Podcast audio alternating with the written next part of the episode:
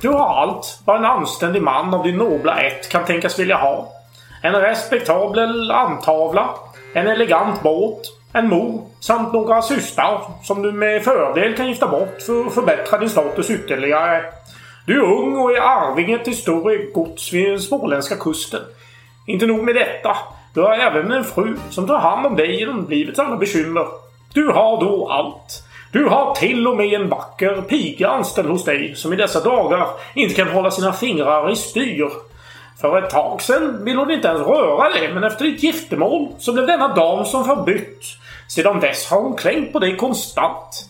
Fantastiskt hur det över en natt kunde skifta så. Du erinrar dig med värme om dygnets mörka timmar strax efter ditt giftermål med din hustru. Då du stod där i pigans rum och väckte henne med att förmedla älskvärda ord i hennes öra. Du vet inte var det kom ifrån. Du är inte känd som en man med talets gåva. Men nu så lät allt som kom ur dig som en Alexander O'Neill-låt. Hon vaknade upp och började skrika och du blev så irriterad att du hotade henne.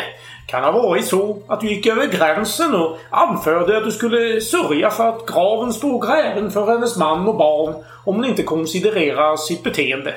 Ni vet, som man gör ibland i stridens hetta. Hotar, det vill säga. Inte ta till våld. Nej, nej, nej. Du gjorde fel. Du vet. Men någonstans så får hon faktiskt skylla sig själv. Efter några år i din tjänst borde hon veta att du är ytterst ljudkänslig och har genomgått ett antal lavemang för att fixa till detta problem. Nåja, även om hon först blev konfus och skärrad så fick hon syn på din vigselring när du stod i rummet och hotade henne. Det var den sekunden som allt ändrades. Kvinnor älskar trolovade män. Sedan den stunden är hon väldigt mån om dina behov.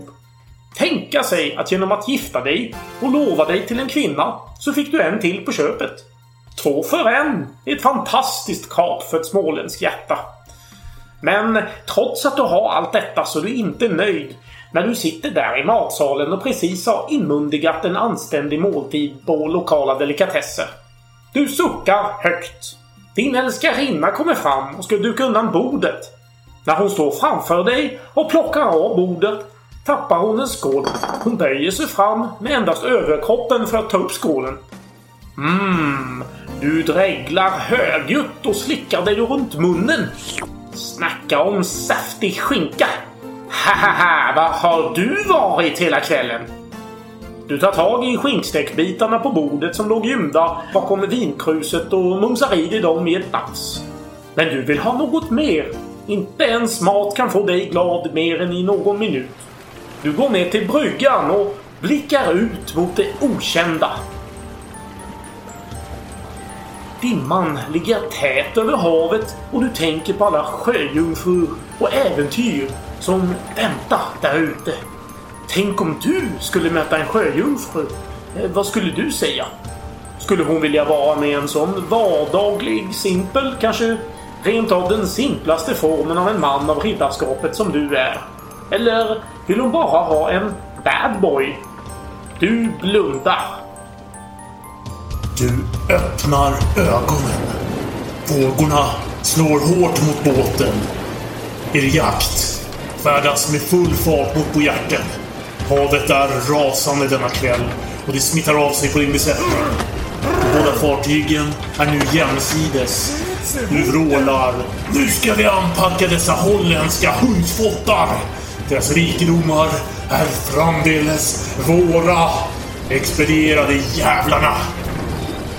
Du beordrar dina män att anpacka. Någon tvekar och du skriker att när det väl gäller så är det inte mer än 18 000 kärring.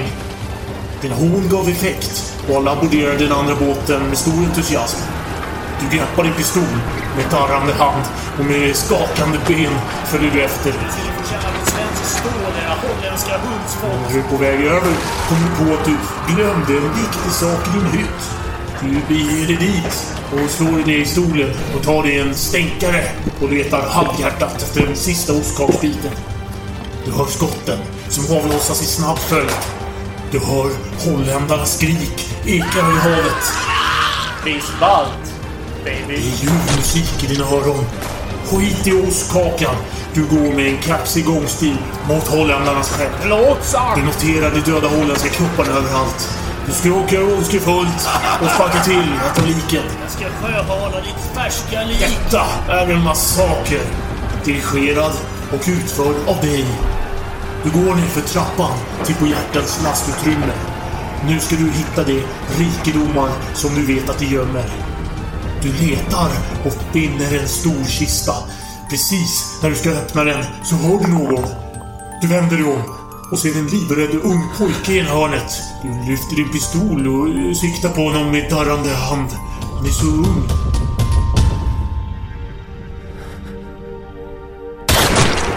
Det var en av dina män som sköt den stackars pojken.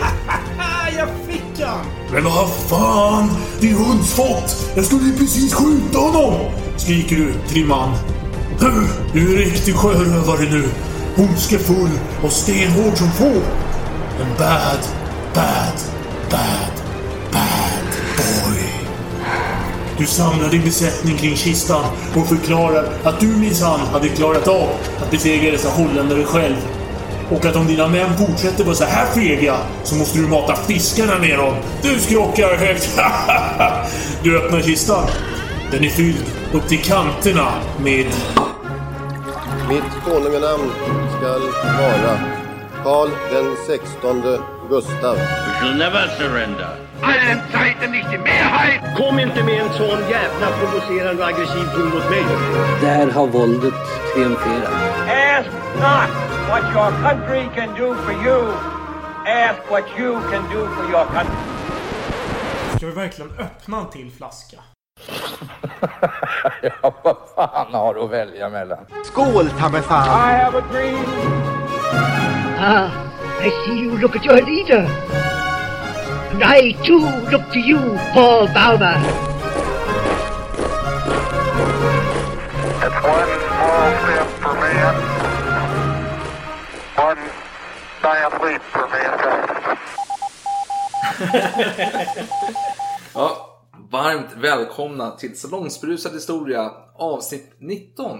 För Göte Lejon. Hur det nu uttalas på holländska, lite fan. Men ja, det förgyllda lejonet ska det handla om denna dag och eh, anpackningen utav detta fartyg.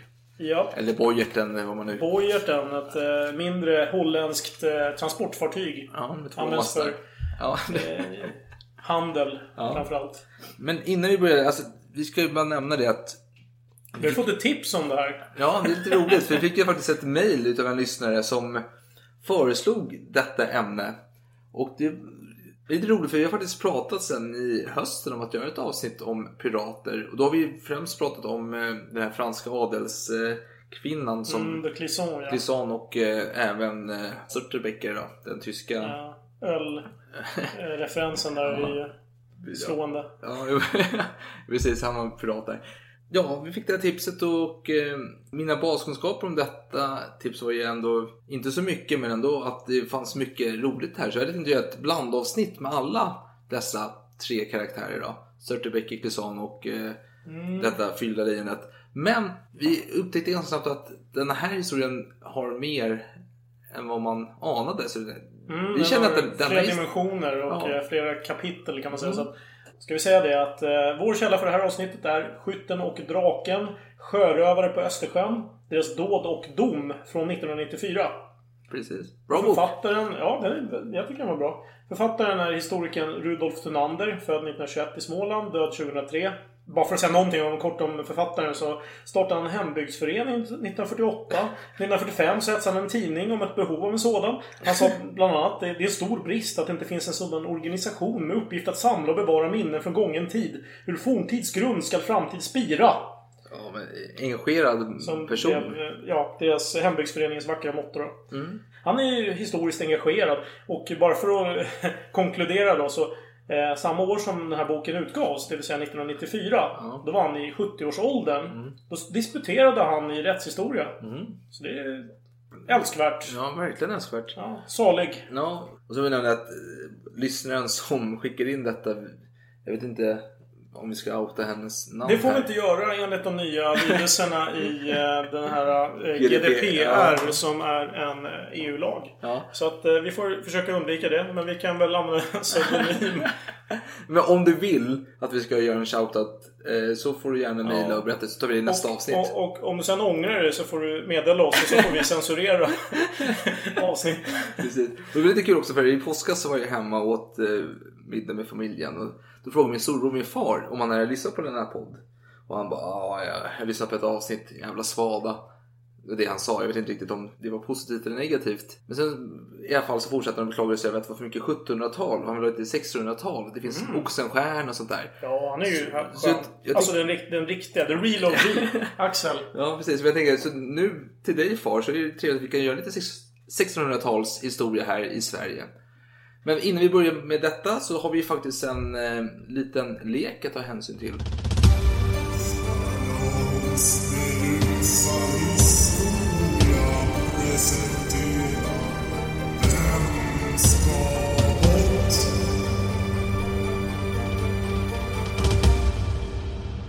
Just det, och vad är ställningen i den här leken just nu? Jag vet att jag ligger under, men jag kommer inte ihåg. Nej, det står faktiskt 10-10. Är det sant? Nej, 10-5 står det. Förlåt. Ah, det var det 10-5 jag står det. trodde. Ja. Ja. Jag hade rätt.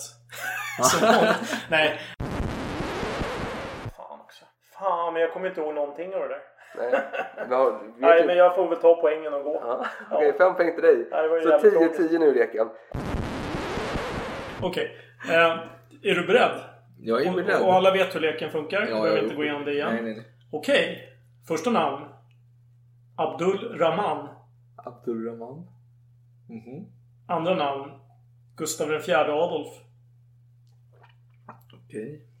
Tredje namnet. Homer Simpson. Vad fan alltså. Det är spårat alltså. Fjärde namn. Dom Perignon. Det här känns så jävla off. Va? Det kanske underlättar att börja prata lite om de olika namnen. Vi har ju redan nämnt kanske Gustav IV Adolf bland annat ganska många gånger kanske. Abdulrahman, vad säger det dig? Ingen känner. Vad fan. Abdulrahman. Var fan kommer det ifrån? Och för sig, men han var ju värdelös. Så, det var ju hammaren då som, som sen formade en dynasti. Ja, Eh, Al-Rahman, hette han inte så? Han kanske. som han slog. det kanske var. Jag har inte riktigt koll på det. Eh, Det får briefa. Han är slag vid, slaget vid Stor så är han ju. Ja just det, just det. Just det. Just det. Hammaren där ja. Hammaren har vi alltså. Så jag antar det är Ja, koppling det, till. det var kanske inte nödvändigtvis en ledtråd där. Det, det ska jag Okej, inte. okej. Eh, och sen har vi Gustav IV Adolf. Ja. Kåt, bock. Ja, ganska Dog, kåt. dog det. den vita hästens eh, värdshus. Alkoholiserad. Ja, han älskade att hata Napoleon. Mm, förvisso. Åh, Homer Simpson, vet du fan hur han kom in i detta. Men... Nej, han jobbar, jobbar på kärnkraftverk, alkoholiserad. Ja. Dom Perignon alkoholiserad. Jaha, okej då ska, eh, då ska ju Raman bort. För han inte dricker alkohol. Det var mycket bra gissning, men det är fel. eh, eller vänta nu. Du sa att Raman ska bort. Mm. För att han... Det, det är rätt. Det är rätt. Han ska bort. Han Ja, ska bort. Du, du får poäng för det. Ja. Ja, enligt religiösa skäl så dricker han inte alkohol, i mitt svar. Bra svar, men det är fel svar. Men, men det var rätt eh, namn. Rätt namn, Så du får okej. fem poäng. Fem poäng. Eh, och eh, kopplingen är munk. Munk? Va? Det hänger inte med alls. Okej, vi börjar med Gustav IV Adolf. Ja. Jaha, ja, ja, fan. Hans påstådda farsa, eh, Munk. Ja, ja. okej. Hovstallmästare Adolf Fredrik Munk. Ja, ja, ja. ja. Och eh, han, Adolf Fredrik Munk eh, vägrade ju erkänna de här ryktena att han skulle vara pappa. Ja. Eh, under många år. Till och med när, han hamnade i onåd. Men sen så småningom så bara, jo men vad fan jag tar på mig faderskapet. så att, ja, det är lite oklart där. Eh, Homer Simpson, han är ju förknippad Donut, mm, Donut. Mm. Det, det är han ju. Ja. Får man väl ge, ge. Dom Perignon, han var ju munk. Han var ju Bene- Benedikt-munk. Det var ju bra. Eh, Munk, det, det, munk, det, det var inte lätt. munk. Det var inte lätt. Men du fick fem poäng, så det, det ska du ha all heder för. Eh, jaha, då konkluderar vi. Nej, Så men- nu leder du alltså 15-5 blir det va? Ja, 15-5 blir det. Herregud, Ja. hur ska jag ta igen det? Och du som började också. Så det... Aj, aj, aj. Vi kör till 30. Mm. Ja. ja, men vi ska kanske nämna det att detta avsnitt blir inte det sista. Men det blir ju ett litet uppehåll efter detta. Mm. Eh, Så vi är tillbaka i slutet utav juni. Då vi ska göra vår lilla sommarserie. Ja, det blir en följetong. Det blir ett socialt experiment. Dessutom, så vi får se om det kan fullföljas. Vi, Det- vi vill inte säga för mycket så att eh, det, får vi- bli vad det blir. Det vi vet är att det blir otroligt berusat oavsett. Ja. Det är det enda vi vet med klarhet här. Jo, Men jag, ser, jag ser inte direkt fram emot det här faktiskt, om jag ska vara ärlig. Jag, jag tror inte att det här kommer att gå bra. Men eh, av, av naturliga skäl då kommer vi behöva ett uppehåll efter det. Ja, så det blir lite ett sommarlov efter det då. Och inför måste vi förbereda oss också. Så det är, som ni vet, slutet utav juni är vi tillbaka igen. Eller kanske början utav juli blir, vi får se. Någonstans här. Men nu ska vi börja med avsnittet.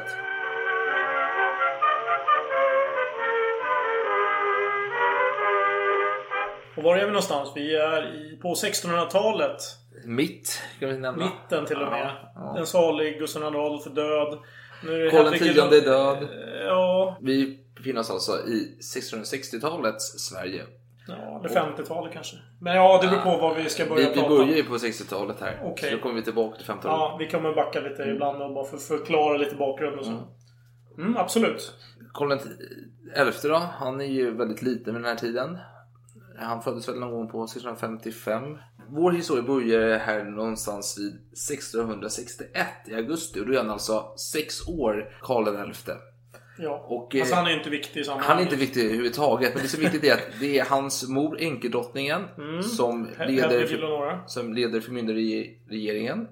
Ja. Med lite andra sköna lirare som bonde och så vidare.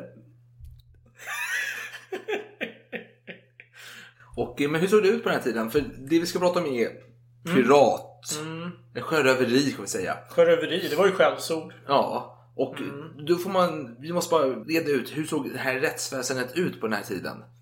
För vi har ju faktiskt en hovrätt som har installerats. Ja, den inrättades 1614. Mm, precis. Ja, det vill säga 47 år innan. Mm. Och den var ju viktig. Det fanns ju skäl till att den fanns där. Ja. Det var ju för att adelsmän, de skulle inte dömas av ofrälse. Nej, de skulle dömas som likare som man sa på den tiden.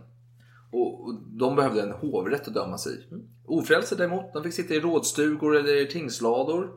Ja. Och det fanns en hovrättssal i Jönköping och det är där vi ska... Ja, inte Jönköping precis, men vi ska vara i Kalmartrakten så det är Småland då, som vi har rör oss runt då. Ja, Blekinge också. Och på den tiden var det väldigt viktigt just med eh, de här sociala hierarkin. Mm. En adelsman är väldigt högt upp på trappstegen. Ofrälse längre ner. Och sen har vi ju lite andra lirare ovanför. då. Högst upp är Gud såklart, allsmäktig.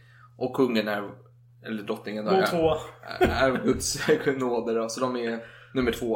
Och det fanns någonting som kallas för hustavlan som alltid fanns väldigt nära katekesen då, alltså Luthers katekes. Och den användes ju för att predika just om eh, sociala status och ansvar man hade.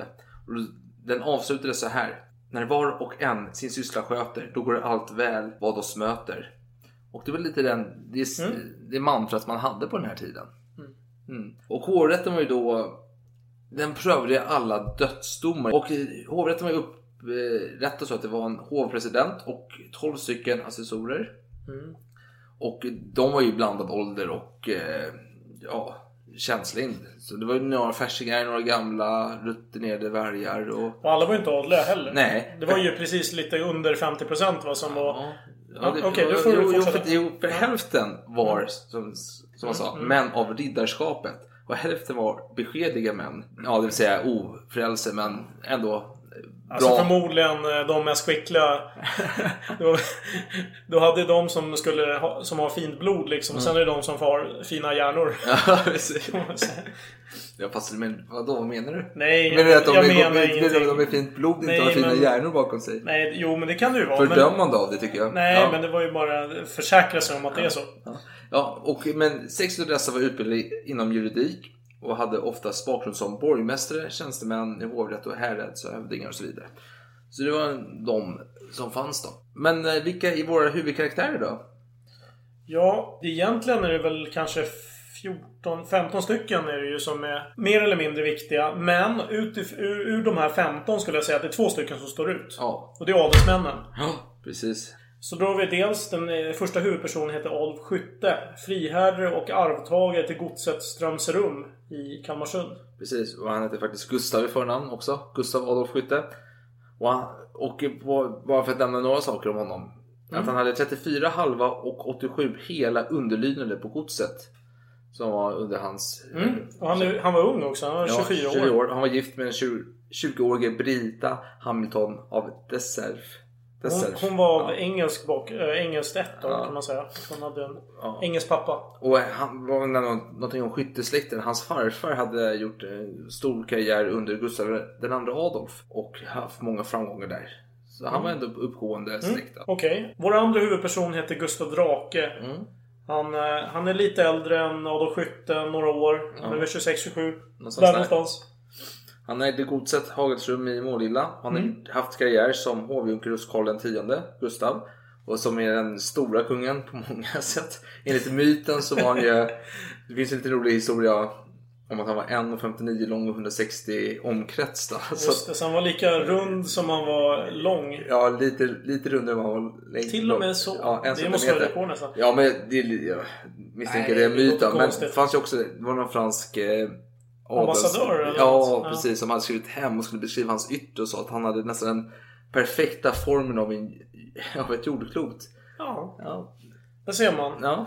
Ja, och han var dessutom då, det här är en viktig detalj, trolovad med en av eh, Adolf Skyttes systrar som heter Gunilla. Precis. De skulle gifta sig inom snar framtid.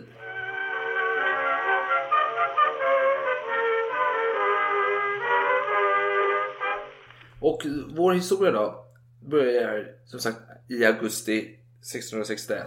Skytten har fått för sig att han ska bege sig med sitt skepp, eller en jakt som det var då, till England och ha lite skönt samkväm med sin svärfar Hugo Hamilton. För svärmodern hade ju dött och ett arv stod ju på spel. Ja, Ja. då gäller det att smörja krås, eller vad fan heter det? Man måste vara företagsam här. Alltså, Ja. Man kan inte riskera att någon annan jäkel får ta del av arvet som du kan få ta del av. Nej.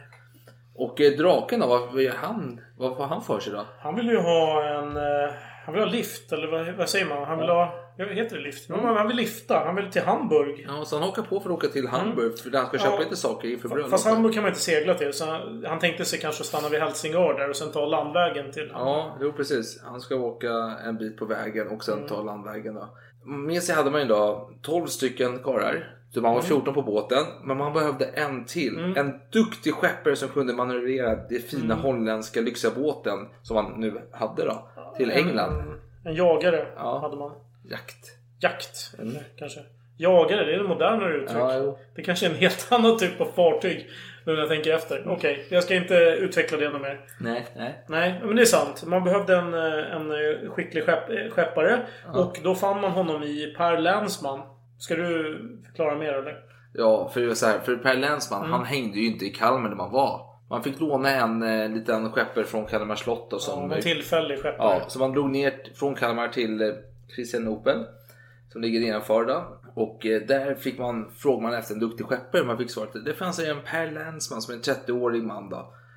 Och han behövde inte övertalas. Nej, för man skickade fyra musketerare som grep och förde honom till båten. Mm. Och då, då började han först protestera ganska vilt. Ja. Men sen när man förklarar att jo men du kommer få de här pengarna. Då blev han helt plötsligt bara ho ho ho. Bara gnida händerna. Ja, bara, trevlig, här blir trevlig, trevligt. trevlig, trevlig. Ja, det är kul. Ja, så nu det sammanlagt 15 män på båten. Och högst i rang var det då skytte och drake. Precis, det var ju adelsmännen. Ja. Sen, eh, nu har jag delat upp de här i två team. Ja. Vilket kanske är olämpligt för jag är inte helt säker på att alla verkligen tillhör rätt team här. Så Nej, du får rätta mig. Gör rätt i dig. Mm. Jag Men jag börjar med Team Drake för den är lättast. Ja. Då har vi Gustav Drake. Vi har Måns Månsson. Ja. Vi har Per, Ja. eh, även kallad Drakens Per. Precis. Sen, sen har vi en ung pojk. Ja. Och han kan då antingen heta Pelle eller Lasse. ja, precis. Du har helt rätt där. Ja, vi går Sen, vidare. har vi, sen är ju frågan om det är någon fler som ska tillhöra det teamet. Nej, det är alltså... eh, De, är, de, de stöttar eh, drake i alla lägen. Mm. Okej, då går vi vidare till Team Skytte. Ja. Då har vi Adolf Skytte såklart. Ja. Vi har Per Länsman, den här äh, skepparen. Man kan ju då argumentera för att han verkligen är skyttesman. Nej, han är, jag skulle inte kalla honom för skyttesman för han Nej. kommer ändå in så pass sent. Mm, Okej, bra. Han är ett annat team. Ja. Eh, vi fortsätter. Ja. Vi har Canutus Ligelius. Han är lite Ja. intressant person. Vi kanske Ja. borde prata lite mer om honom innan vi går vidare. Ja, jo, jo absolut. Han var ju en lite ja, enögd man. Han, han var ju lärd man. Ja, jo, och enögd. Han var enögd. Han, han var sjuk i fluss och förlorade höger öga. Och han var ju i tjänst som hovmästare hos riksrådet Axel Sparre Ja. 1661. Men just med den här sjukdomen, förlora ögat. Då började Axel Sparre bara Oj, jag ska ha en sjukling till tjänare. Så han fick sparken. Ja. Eh, Och eh, då sökte han sig till skytte. Han sökte sig till skyttes gods för att få tjänst. Jo, de hade ju känt varandra sedan Uppsala-tiden och Skytt hade studerat. Mm, och eh, den här Canutus Ligelius var ju väldigt intresserad av nationalekonomi och han ansåg ju sig ha lösningen på eh, stadens finansiella Ja, Han svårigheter. var eh, finansiellt geni. Ja, Enligt han egen själv. eh, Ja. mening. Ja. Okej, vi fortsätter listan. Vi har Ja. Sven Bengtsson. ja, precis. Mer känd som Livknäckt. Ja, Så, han, så vi kommer nämna honom som Sven Livknäckt i just det. framtiden. Hädanefter ja. ja. Absolut. Sen har vi Håkan Svensson. Och det här är, nu, nu börjar jag bara lista båtsmän här. De är Ja. inte så intressanta för handlingen. Men jag, nej, jag vill nej, ändå nej, nämna men fast det här är inte... Förlåt, jag. Mm. Det här är inte skyttens män.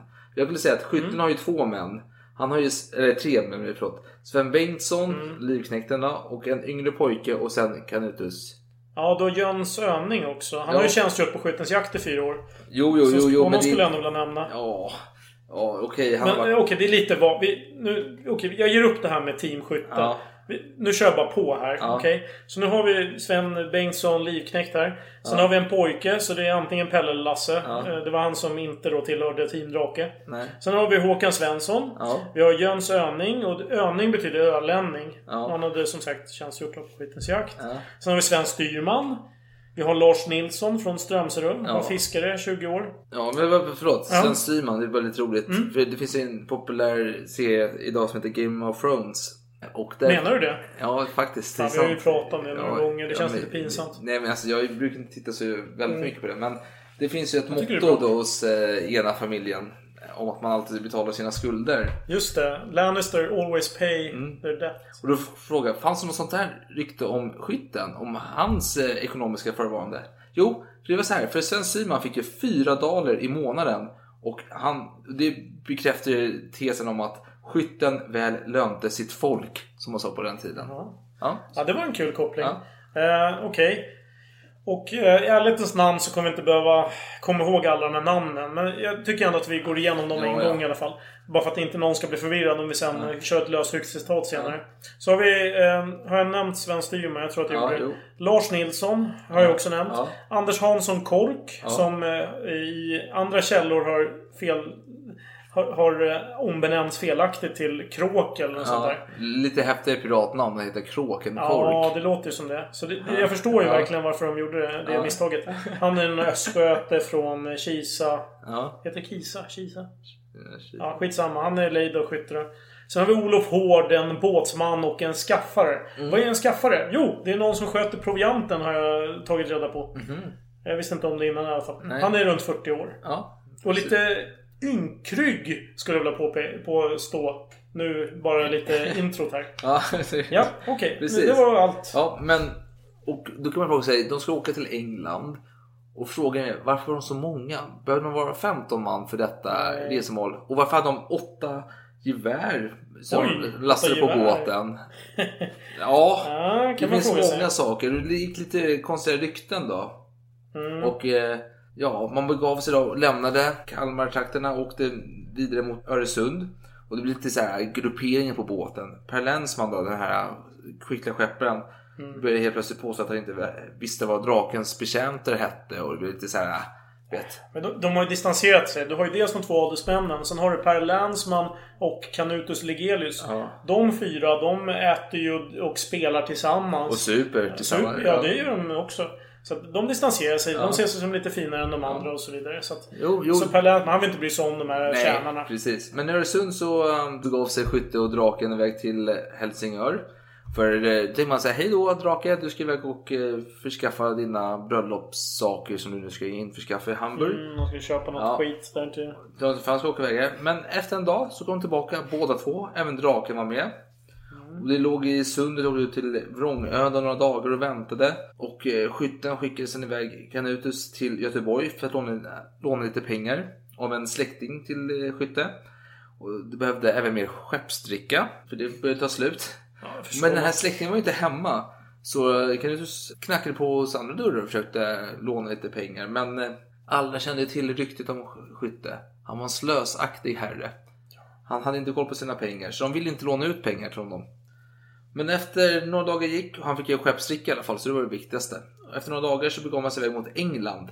Men efter några, ja jag vet inte hur lång tid. Men efter en stund så vände man i alla fall tillbaka. En kort stund. Och varför då då? Jo, för Skytte kom helt plötsligt på att han hade hört i Göteborg när han var där rykten om att hans svärfar Hugo Hamilton är på väg till Sverige. Då finns det ingen anledning att åka till England. Varför ska han det för? Nej. Och jag bara tänker så här, man kan ju ifrågasätta det här. Det finns ett annat rykte också då. Jo, men för bara Ja, ja, okej, ifrågasätta förlåt. den här Ja. saken. Att han sitter på en båt i några dagar, han har varit i Göteborg och hört det här ryktet. Mm. Så måste han bearbeta det ett tag. Mhm. Så åker han iväg, han men åker till England.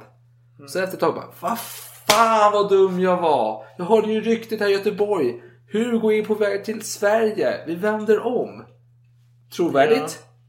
Nej. Nej. Så finns det ett annat rykte. Ja, ja, ja men det var bra att du kom in på det. Då behöver inte jag gå Ja, men du, du får ta det. Jaha, okej. Nej, det var att det var storm. Så stark sjö att vi för Nordsjöns häftighet måste låt gå undan åt sundet. Bara vände om skutan och vilket sammanträffande! Samtidigt som detta skedde så kom det 14 holländska fartyg in mot Öresund samtidigt. Vilken syn. Och då sa Drake till Skytte. Bror, det vore väl gjort att packa an med en av dem och ta fribyte. Ja, packa an, det är ju, det är ju plundra. Ja. För titta här, nu måste man tänka som ett lejon på prärien här. Ja. Är, Ja. är, är de på prärien förresten? Ja, ja, Ja, precis. De, de, de, de ser en stor flock och så Ja. tänker de vi går på det lättaste bytet. Eller Ja. hur? Man går inte på det svåraste. Jo, men, men skytten ska ju ändå till Hugo Hamilton. Han skulle, han skulle fixa lite sköna arvsfrågor här. Han vill inte packa an. Så han svarar så här. Mhm. Det kan inte ske. Inte en man slipper därifrån. Vi kunna få vårt bröd där, det förutan. Så skytten säger själv att han vill inte sitta här och packa an. Nej, nej, nej han tvekar. Ja, såklart. han tvekar. För han vet ju att straffet är oerhört eh, högt om Ja. man eh, åker dit Och också. så måste, jag måste bara nämna detta. Mm. För jag beklagar mig alltid i dagtid, eller i samtiden om det här. Bror, bror hit, bror hit, bror hit. Bror, retweeta min tweet här så är jag en riktig bror, bror, bror. Och så bara läser man det här skriftet. 1600-talet, 1661. Ja. Bror.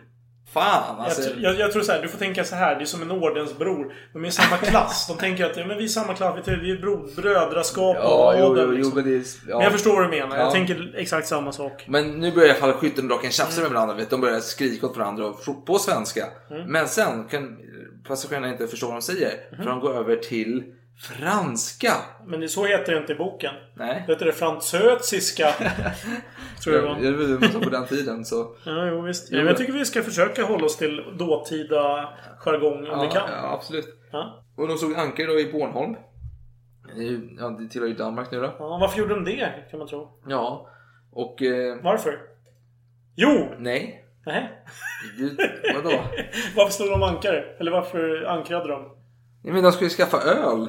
Okej, men nu pratar vi först om att de skulle äh, borda de här. Ja, men... Nu ska de ha öl. Du har missförstått hela historien, förlåt mig. Ja. Men det såg anker då i Bornholm och skytten med bihang då begav sig för att införskaffa öl.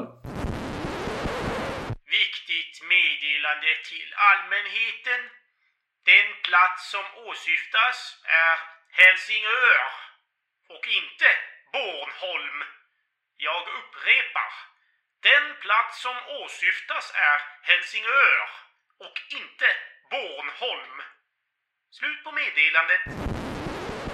När han kom tillbaka med ölen var han berusad och hamnade i bråk med draken. Och draken sa så här. Sjutusen jävla fara med dig. Du har alltid stora förslag. Men när det gäller duger du inte mer än en kärring. Mm, så de tjafsar då om det här förslaget Ja. om att a- Nej. anborda... Då tänkte jag kärring eller käring. Vad ska vi Käring. säga? Kärring eller kärring? För kärring kommer från ordet käring då.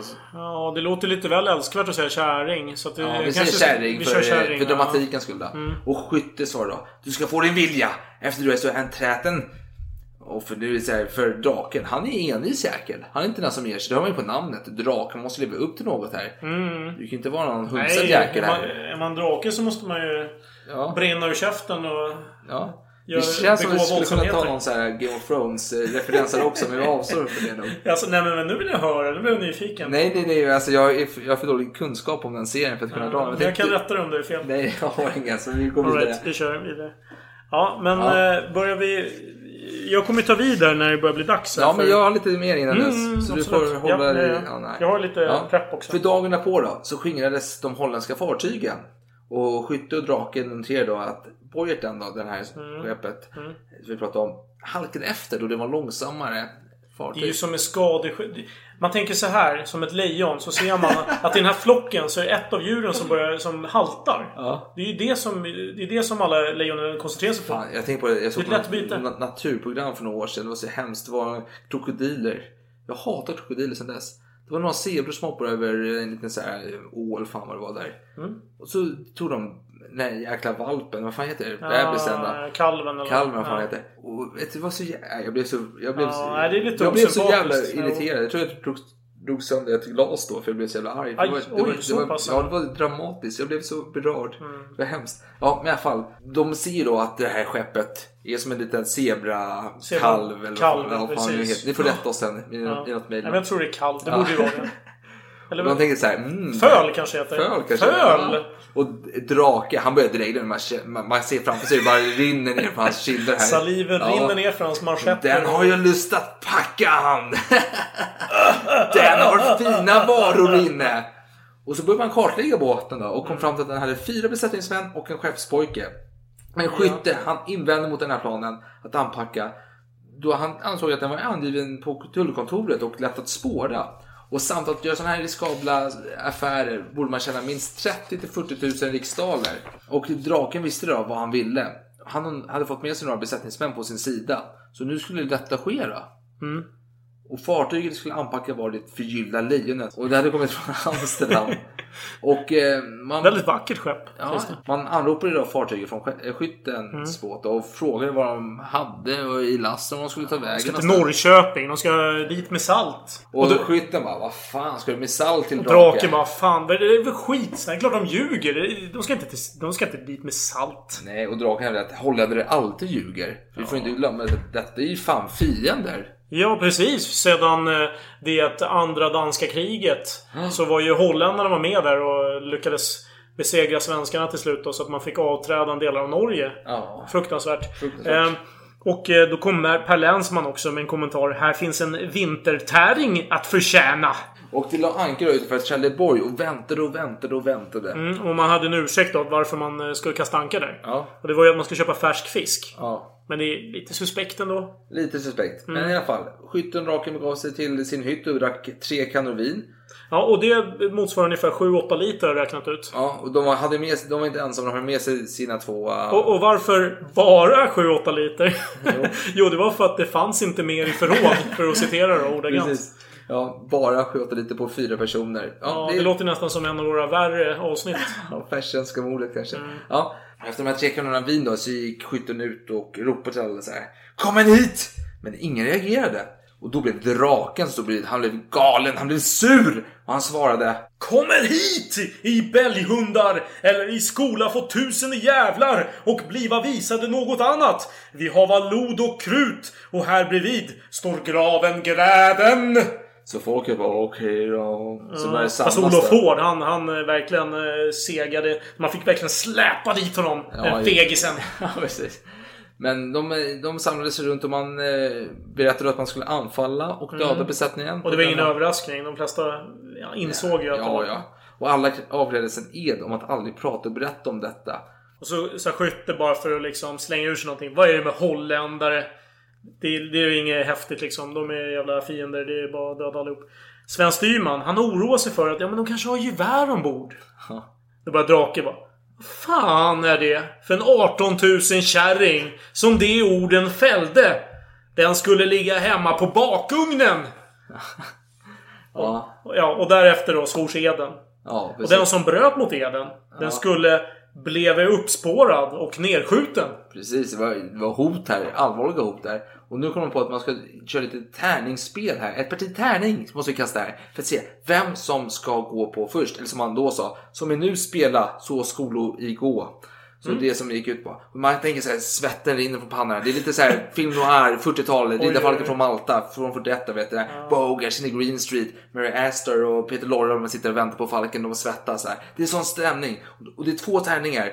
Olof Hård fick högsta. Vänta, vänta, vänta. Innan du berättar om tärningen. v- Vad går spelet? Vad, vad, hur går leken? Vad Ja, går leken ja ut på? förlåt. Den som får flest ögon då. Ja, Den som får minst... Den som får lägst skulle få gå först. Ja och den som eh, är, får högst Ja, klarar sig. klarar sig. Och, och de körde man mot man. Det Ja, precis. Ja. Och Olof Hård, han började skaka tärningarna och han kastade tärningarna.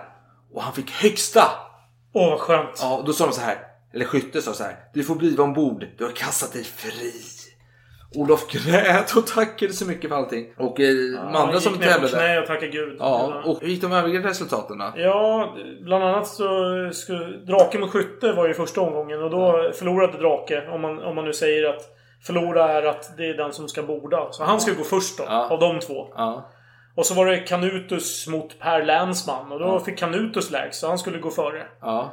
Och sen fortsatte och i massa resultat. Och det var bara för att nämna då, så var det ju en av dem som blev helt förvirrad. Han, han fattade ingenting av den här leken. Han, Han blev förstod helt- inte reglerna. Nej, han, han, han, det enda han fattade var att okej, okej, Drake ska gå först och sen var det någonting mer. Och så, han skulle vara kvar ombord. Det var det enda han fattade.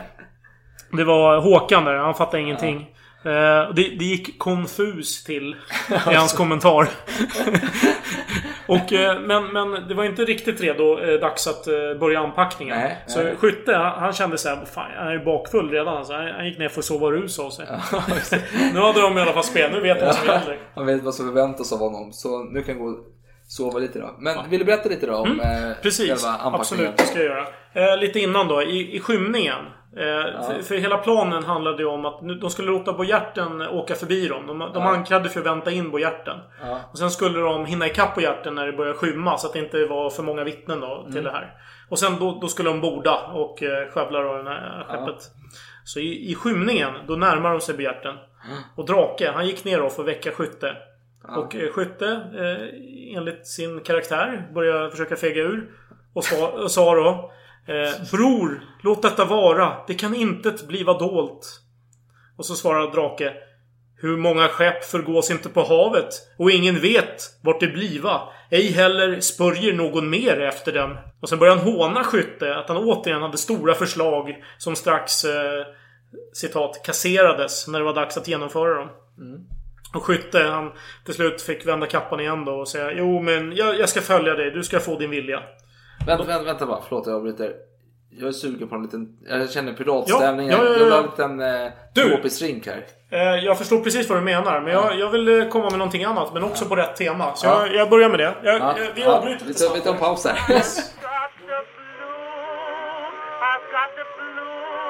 I've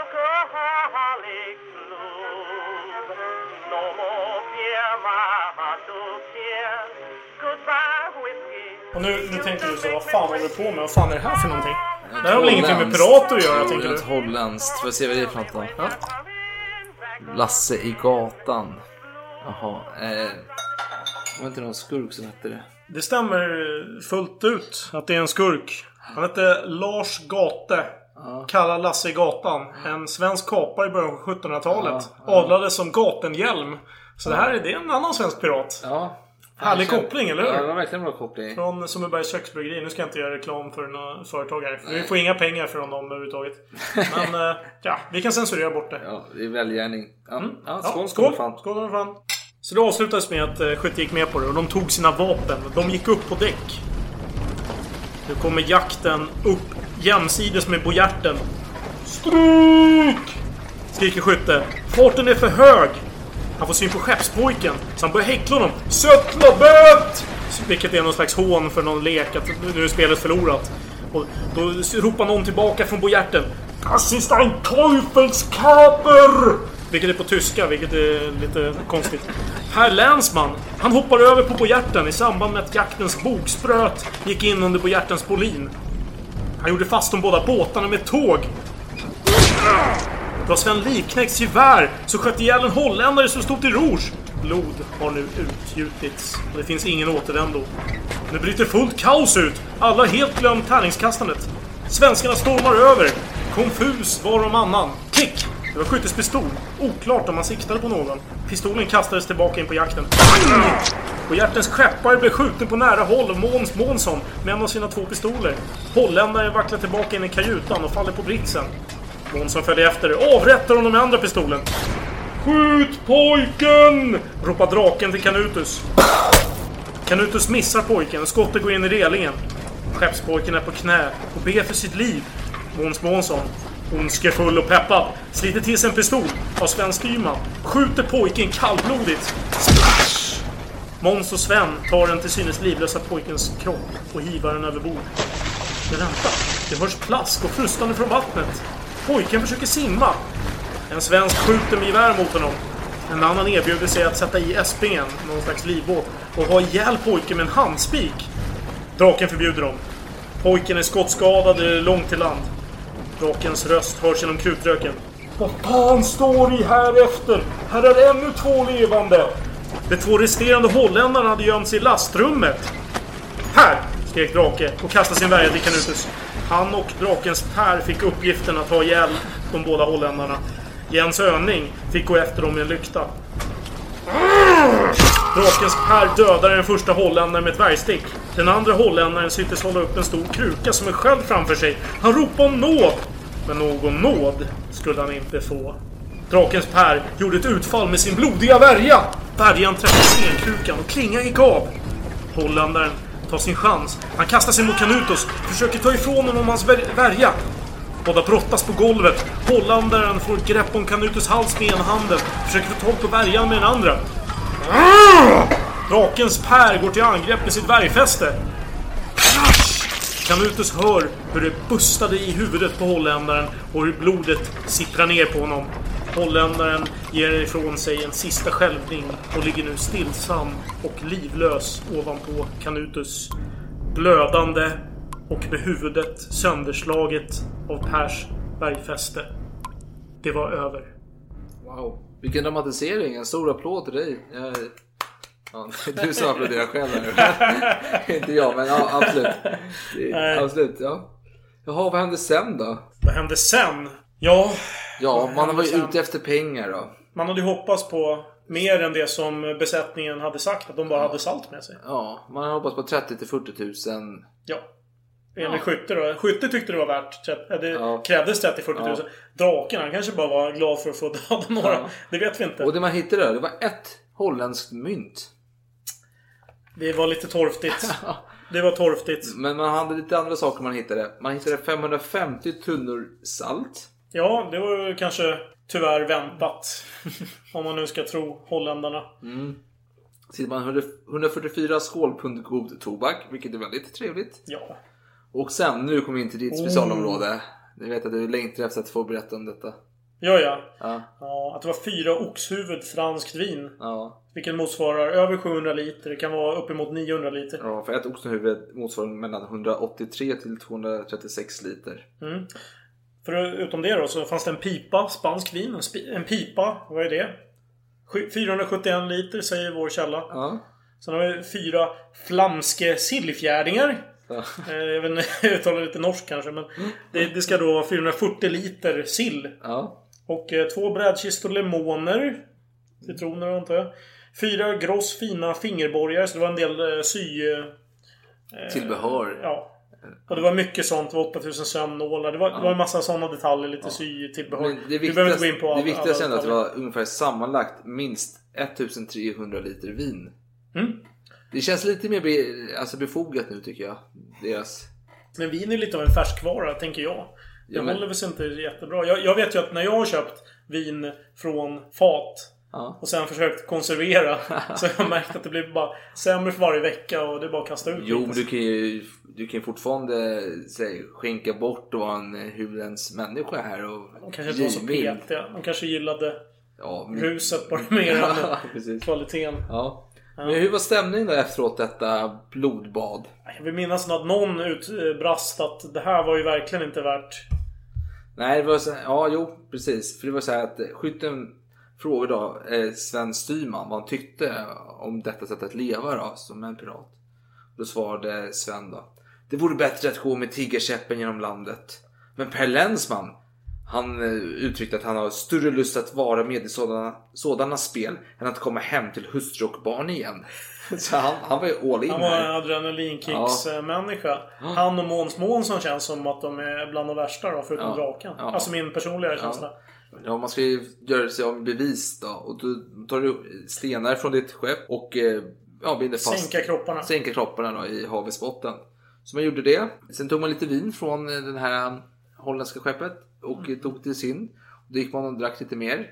Och eh, skytten vaknade mitt i natten och skrek Ska jag vara rädd för holländare? Ska jag vara rädd för en holländare? Så han, han bearbetade det här hårt känns det som. Här. Han, han, var ju, han var tagen här. Och dagen därpå då, då seglar man med den beslagtagna båten till Blå Jungfrun som ligger utanför Öland. Och det är ett lite speciellt ställe. För där kunde man ju lasta av ostört. För det gick rykte om att där var det häxor och lite andra det. sådana saker. Vi är ändå i 1600-talet Sverige här. Så det var Ja, väldigt- ja, ja. man- Mycket vidskeplighet. Ja, man, man tror på det där vet du. Och eh, då var det sex man i besättningen som skulle göra detta. Det var en dra, eh, blandning mellan draken och eh, skyttes eh, folk. De litar inte riktigt helt på varandra. Nej, så de har väl alltid en eller två representanter Ja. från vardera läger när det Precis. händer saker som involverar den här äh, skatten eller vad man ska kalla det. Skatt. Ja, jo precis. Eh, och, och de övriga åkte hem då till Kalmar då. Och det, vid Blå så tog man på ungefär, ja, kanske en vecka tog det att eh, lasta av det man skulle lasta av. Då. Och sen sänkte man båten tillsammans med saltet. För saltet var ju inte Nej, det inte någonting man, det. man brydde sig om. Liksom. Så tog man en liten båt över till Kalmar där och sen höll man på att hämta varor fram och tillbaka. Mm. Och De lite. sälja av lite Ja. smått också. Men inte kort efter de kommit till land. Det var den här Olof Ford, du vet han som... Fegisen. Ja, han som eh, fick högst på tärningsspelet och eh, satt kvar på båten medan Mm. de eh, rövade. Han... Ja... Han, han, han mötte Jöns Önings hustru och nämndeman Karl i Bäcketorp. Eh, och fick lite frågor om var Jöns var någonstans. För de såg ju att du är hemma. Var är Jöns någonstans? Han har inte kommit hem. Au, au, lite jobbigt här. Så han bröt ju ihop då och avslöjade eh, vad som hade hänt då. Och några dagar senare så samlade skytte alla och eh, återigen tvingade dem att avlägga en ed. Och så hotade de med att den gossen som huvudet är av på käftar inte mer. Man kunde ju inte veta då att Olof redan hade tjallat. Nej, han, precis. han är en golare här. Yes. Och nu kommer en Polare liten... har inga polare. Så är du bakom det? Nej, men nu måste jag leva mig in lite i Mm. uh, Skyttes och Drakes karaktärer. Så att jag, det är därför jag är lite osympatisk här och kallar Hård för en uh, fegis. Ja. För sen kommer, veckorna går då och då kommer en väldigt intressant sekvens här. För eh, en greve och krigsråd Karl Maurits Lejonhuvud ska besöka Kalmar. Och skytten tänker Oj, det här är perfekt. Du ska komma hem till mig på mitt eh, Strömsrunda här och... Nu kan eh, jag s- skapa kontakter. Ja, det är precis. det det handlar om. Ja. Allting är ju korrupt. 1600-tals Sverige. Ja, ja, så man ska ha en stor fest då och eh, Karl Maurits var lite skeptisk först. Men sen på vägen hem kan jag väl passera. Så han kom dit och han... eh, Han tackade ja till inbjudan. Ja, och han kom dit med hela sitt... Följe. Ja, sitt, det, det var ett stort följe. Mm. Med han då sin eh, fru, grevinnan Anna Maria Krus af Edeby. Hon var 15 år när hon gifte sig med Karl Maurits. Och Nu var det Kanske fest. där. 20 nu då, eller något sånt. Ja, det vet jag faktiskt inte. Och eh, de, blev fest i alla fall och Skytte söp ner sig och blev far till sitt rum ganska tidigt på kvällen. Då.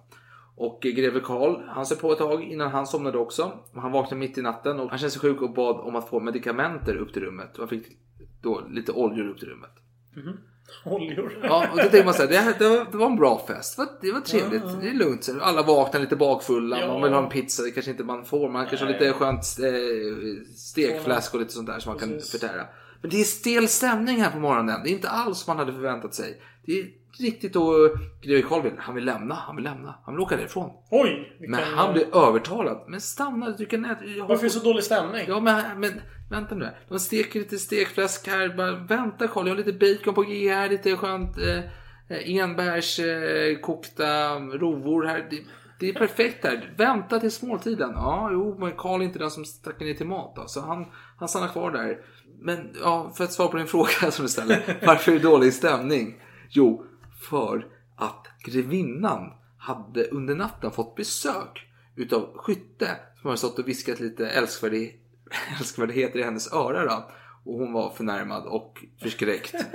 Man- Vem, påstår att det var älskvärdheter? Var det skytte Nej, själv? alltså jag tänker så här, skytten antog säkert det var älskvärdheter. men... Ah, Okej, jag förstår. Det är lite Ja. koppling till introt kanske. Ja, och enligt dåtida rykten var ju skytten känd för att vara lättfärdig vid berusning. Ja, och eh, grevinnan hon grät och greve Karl var fly förbannad. Han skrek och kallade skytten för hundsfott.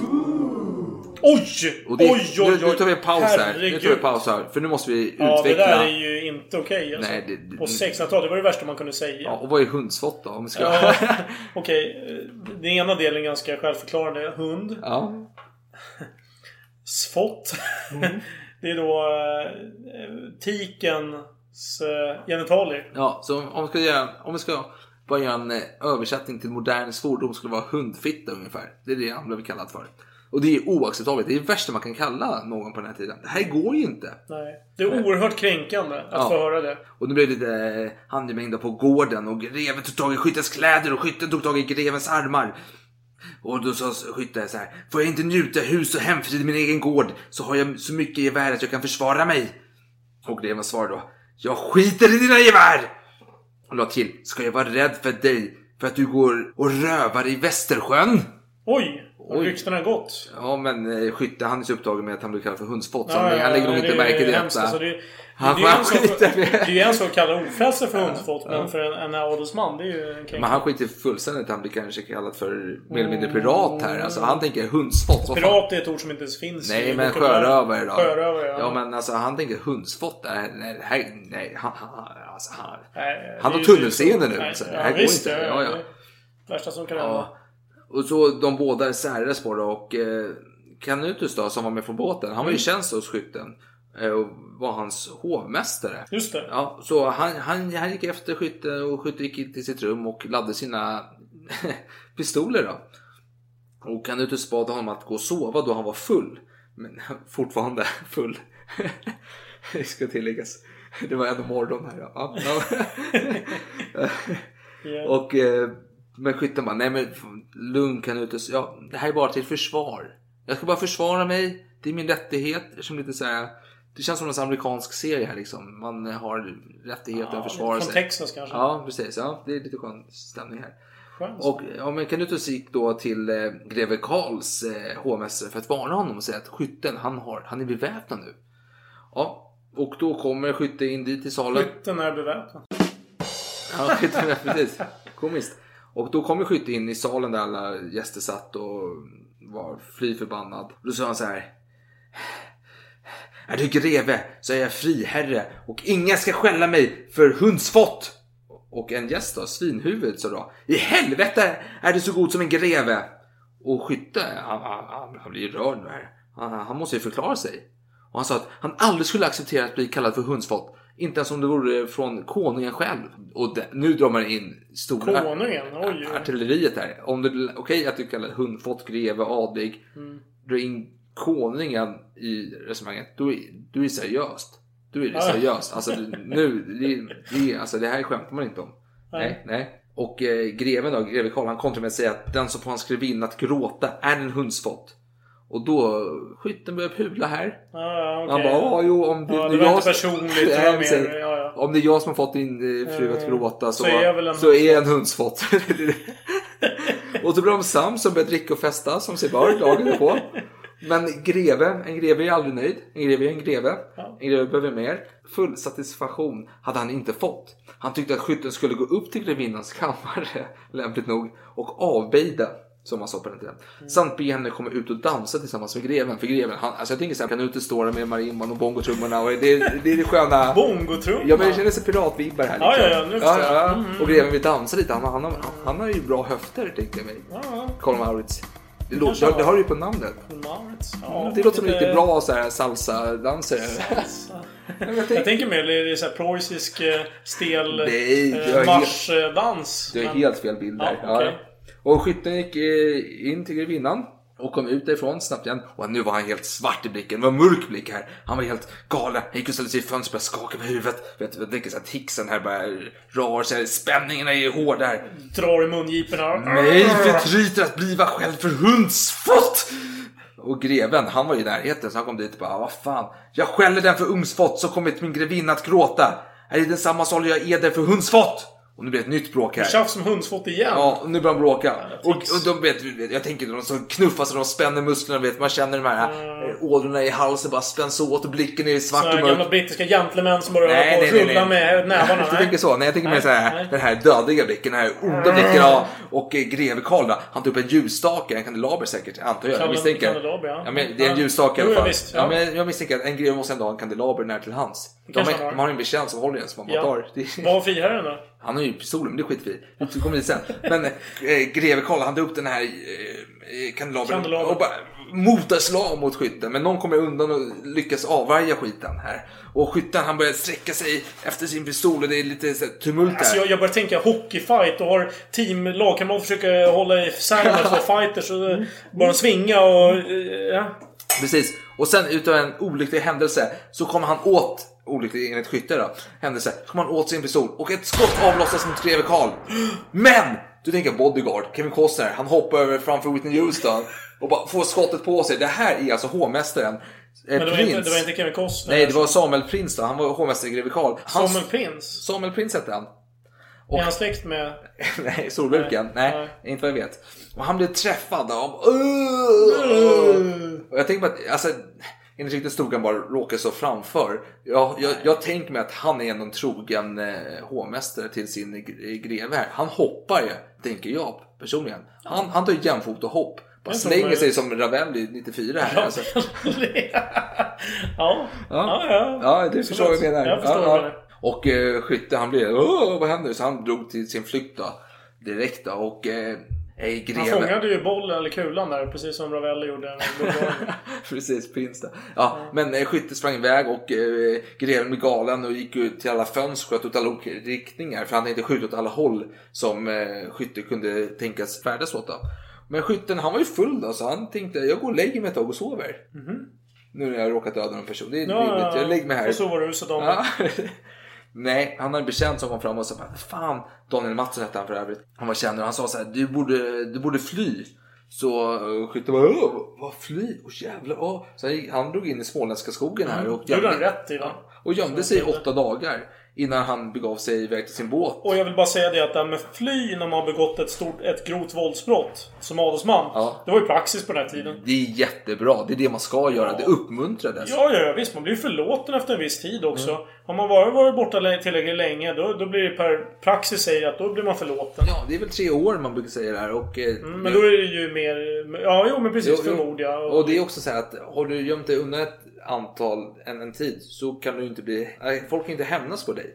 Utan det är mer befogat att hämnas i stridens hetta. Just det, ja. Men är det borta ett tag? Ja, efter inte bort ett år, då är praxis att man skickar brev till eh, Kungliga Majestät och frågar om ladyrbrev. Ladyrbrev är att blir man... vi, jag tänkte vi kommer till det Ja, ja, okej, vi kommer till det sen. Ja, men då skiter vi i ja, det. ja. Ja. Eh, mitt glas är tomt, det är inte ditt, men... eh, jag tänker Men att jag vänta, börjar... Vänta, jag är inte klar med historien. Vi, nej. Du får avvakta tills Ja, jag kommer ja, med den historien. Sen, sen får du gå och fixa något annat. Ja. Ja, i alla fall. Men vad hände då med eh, den här greven och den sårade prins då, hovmästaren då? Jo, det var så här. Greven var ju galen, gick fram och tillbaka. Vanke, det här, han, han kände som eh, när, vet du, vargen i Bamse som går fram och tillbaka. Och greven går, ja, vet, du förstår vad jag menar. Du förstår vad jag menar. Jag är inte säker på att jag förstår. Jo, men han går fram och tillbaka så bara, eh, ma- marken blir bara djupare och djupare. Ja, ja, nu förstår jag. Ja, han försvinner ja, ja, ja. Och sen, sen, sen, sen kom han till det sinnesfulla ro och tänker så här, fan jag måste ringa, jag måste ringa en häst och vagn här. Jag måste skicka min gode prins till en kyrkoherde så jag kan få en liten smörjelse här. Just det, för han är döende vid laget. Ja, han är död. Han är sårad. Han är Mm. inte bara hjärtligt, alltså han är sårad fysiskt också. Så de skickar honom och då kan man fråga sig, vem bär skulden för detta enligt prins då? För det, nu har jag en liten nutidsspaning. Så jag tar efter denna, eh, det han säger då. Mhm. Okej, så håll i dig här. Ja. Så här säger prins. Gud förlåter grevinnan. Hade icke hon varit, hade detta varit ogjort. Och nu har han sista ord, för han dog precis efteråt då. Och då kan man fråga sig. Det Det, lite... var ju, det var ju ganska konstigt vinklat. Ja, men, det, men det är ändå typiskt, man ser så här seriemord i dagens samhälle. Det finns ju en massa exempel på det. Att, ja. ja, hon gjorde slut på honom, då blev han mördare. Eller du vet, en kvinna har gjort honom eh, något hemskt och då blir han en mördare. Ja, att Jo, det är men- en, ja, ja, jo, det är alltid så här, Fan fatal. Ja men det är så här, kvinnan, även om hon bara är en flickvän då som eh, gör slut på honom för att han är sjuk i huvudet. Då blir han galen efter Det var en giltig ursäkt. Ja, det är, hon gjorde honom galen, inte att han är Mm. störd i huvudet. Precis. Så, så det här beteendet uppenbarligen, som ni alla säkert redan Men det är ju inte så konstigt. Det är ändå förstår. 400 år sedan. Ja, men det, så var det då. Ja. Och så är det nu också. Så det är det som är lite tragiskt att det fortfarande är så. Ja, lite, lite grann ja. Ja, men nu tar vi en liten eh, paus och du får gå och hämta din Ja. dricka.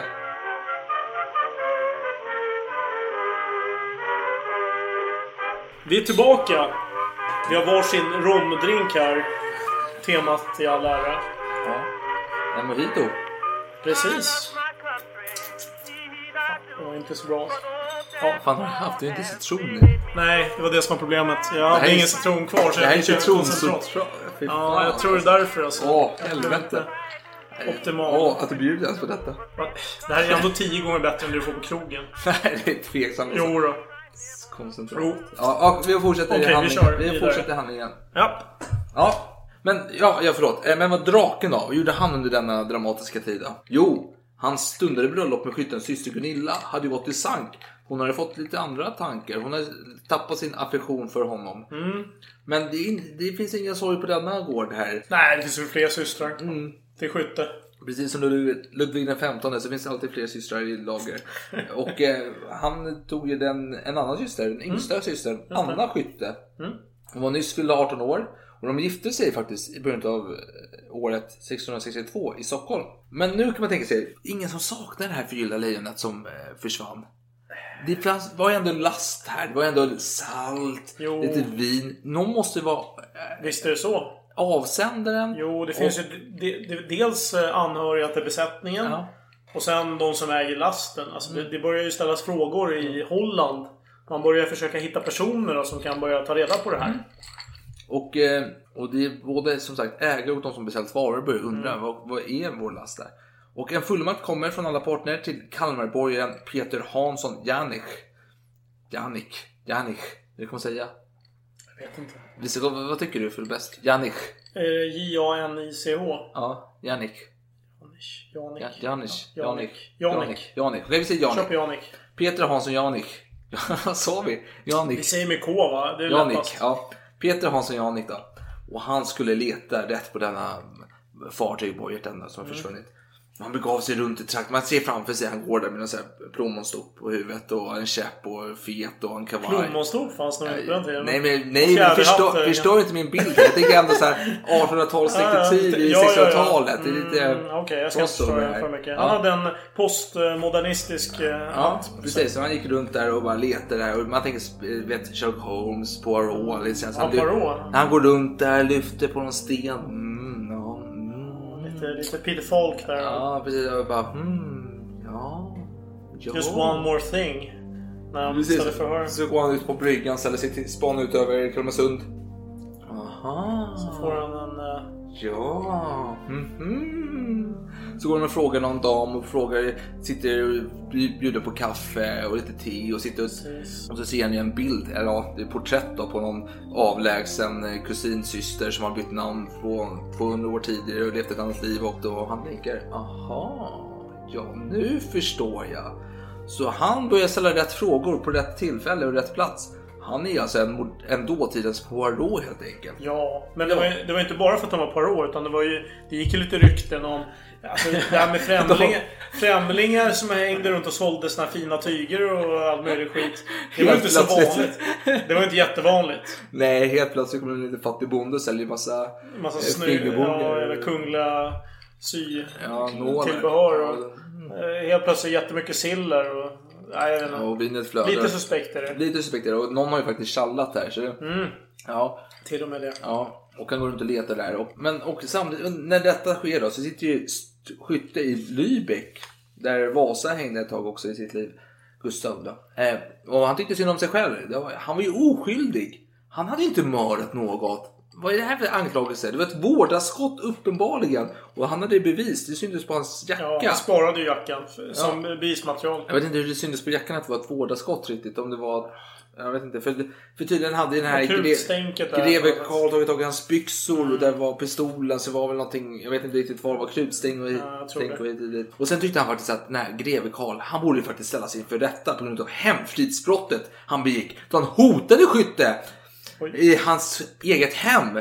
Detta, det, det här är inte okej. Så skytte var säker på en sak. Han ansökte från Kungliga Majestät, det vill säga förmyndarregeringen, för Mm. Karl XI. Ett lejdebrev, ett kungligt lejdebrev. Och nu kan du få berätta om det.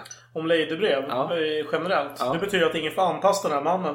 Han ska få en säker färd till rättegången och han får en säker färd därifrån. Även om han blir Ja, jag visste. Det skyldig. bara, jo men du är skyldig. Jaha, men då tar jag mitt pick och pack. Och så blir jag med utomlands i tre år. Ja. Och sen kommer jag tillbaka och får nåd. Ja, Typ eventuellt. så. eventuellt. Ja, men förmodligen. Ja, det var eventuellt. Ju praxis. Men man kunde ju ändå bli av med sina gods och sådär när man blev Ja, det fanns dömd. alltid en risk. ja. Jo, visst. Jo, men du, du, du behövde inte dö. Det var det Nej, som... äh. det kunde bli så att man eh, bedömdes som ofred... Eh, Vad heter det? För ofredlig. Som innebär att vem som helst kunde döda en utan att bli dömd, dömd själv. Ja, fast det- den lagen appliceras inte på 1600-talet på samma sätt som det var förr i tiden. Det var en äldre lag. Det är sant, det är sant. Det mildrades ja. Ja, vi återkommer till det sen. Ja, det är rätt sak. absolut. Ja. Eh, fast det var inte riktigt så. Men i alla fall. ja, i alla fall. Så han var ju säker på en sak. Han skickade detta och han tänkte att i hans värld skulle han ju faktiskt förlika sig med den här hovmästaren Prins familj då. Och, och sen leva på sitt gods igen som vanligt. Det, det här var inga bekymmer. Han hade ju, lag, han hade ju samvetet och lagen på sin sida tänkte han då. Ja, men när han kom, han åkte tillbaka och eh, han fick även höra ryktet om den här Peter Janiks jobb då. Dåtidens Poirot då. Men han oroades inte. Han hade ju ett ladybrev. Så han behöver inte vara orolig här. Det är helt okej. Och skulle allt gå fel och han blir dömd så kunde han bege sig tillbaka, som vi sa, i trygghet till Lübeck och vänta i tre år Fast det dumma i sammanhanget... innan han sökte benådning. Ja. Eller det, jag ska inte säga att det är dumma i sammanhanget, men en detalj i sammanhanget är att det här lejdebrevet gällde ju då primärt då det här brottet mot eh, grevens betjänt. Ja, fast han... Det var, det var inte andra brott egentligen, alltså, men, men han tolkar ju som det. Att, ja, men men lejdebrev, ja, det, men är ju lejdebrev. Det fanns inget prejudikat för det. Utan Nej, det ett, fanns ett, det, lejdebrev är ett lejdebrev. Precis. Ja. Så han kan ju för fan Ja. döda kungen själv och komma undan. Han har ju lejdebrev. Ja. Men nu var det så här, ja, inte riktigt. Mm. Men det fanns i alla fall vittnen till avlastningen vid Blå Jungfrun, för det fanns tydligen uppenbarligen. Det har ju på, pågått i en vecka, sex dagar och alla spår ledde i alla fall till skytte. Och, och, och nu var det så här att Lars Nilsson som var med på denna färd, han gick en dag och vandrade och eh, han var ju med då på när de sjörövade.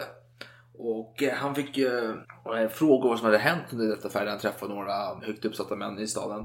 Och han berättade allt som hade hänt. Och han blev frisläppt då för detta. Men blev varnad för skytte och det andra som tänktes vilja hämnas. Så han gick in i skogen och gömde sig en tid framöver. Då. Och nu börjar det, nalkas rättegång då. Vi hade hoppats på att få med allt på ett avsnitt, men då det blev över två timmar så delade vi upp det i två avsnitt istället. Fortsättningen om rättegången får ni höra om nästa vecka. Vi ses! Vi kommer ihåg faktiskt när vi var, vi gjorde faktiskt en resa till eh, Belgien du och jag en gång i tiden. Bryssel, ja. Bryssel, en endagstur. Japp. Och då hade jag med mig lite sköna lambicker hem i resväskan. Jag hade ska, införskaffat en massa jäkla så här, bubbelplast. Och du tog typ 90% utav skiten och lämnade 10% till mig. Och eh, så jag fick inte in. Jag hade en stor väska med lite bubbelplast och många flaskor. Men då tog jag bubbelplast. Ja men du, ja, men du tog ju för dig som en jäkla gris alltså. Du bara äh, ryckte åt dig. Då Och, är det mer öl till dig, eller? Ja, det kan man tro ja. Men förutom att det inte var i bubbelplast så gick ju flask, nej, två flaskor sönder jag det var Jaha. i- på flyget hem. Så när jag, när jag åkte på flygbussen hem så, var, så var, rinner från väskan ner på jag bara oj fan. Så kom jag hem och så hade jag en eh, livsmansflaska tror jag det gått sönder. Ja, det. Ja, var så gott. Ja. Shit lambic. Ja. Nej. ja, men vi häller ju upp Lambic här. Ja, det är men- inte... Ja, Ja, visst. men- fortsätt din historia. Nej, nej förlåt, det var inte livsmans, det var en Cantillon-flaska som hade gått Ja, sönder. den är bra också. Och eh, ja, och då gick lämnade jag, jag orkade inte rengöra resväskan. Så jag lät den stå i två, tre år. Det började bli mögel och växa en jäkla massa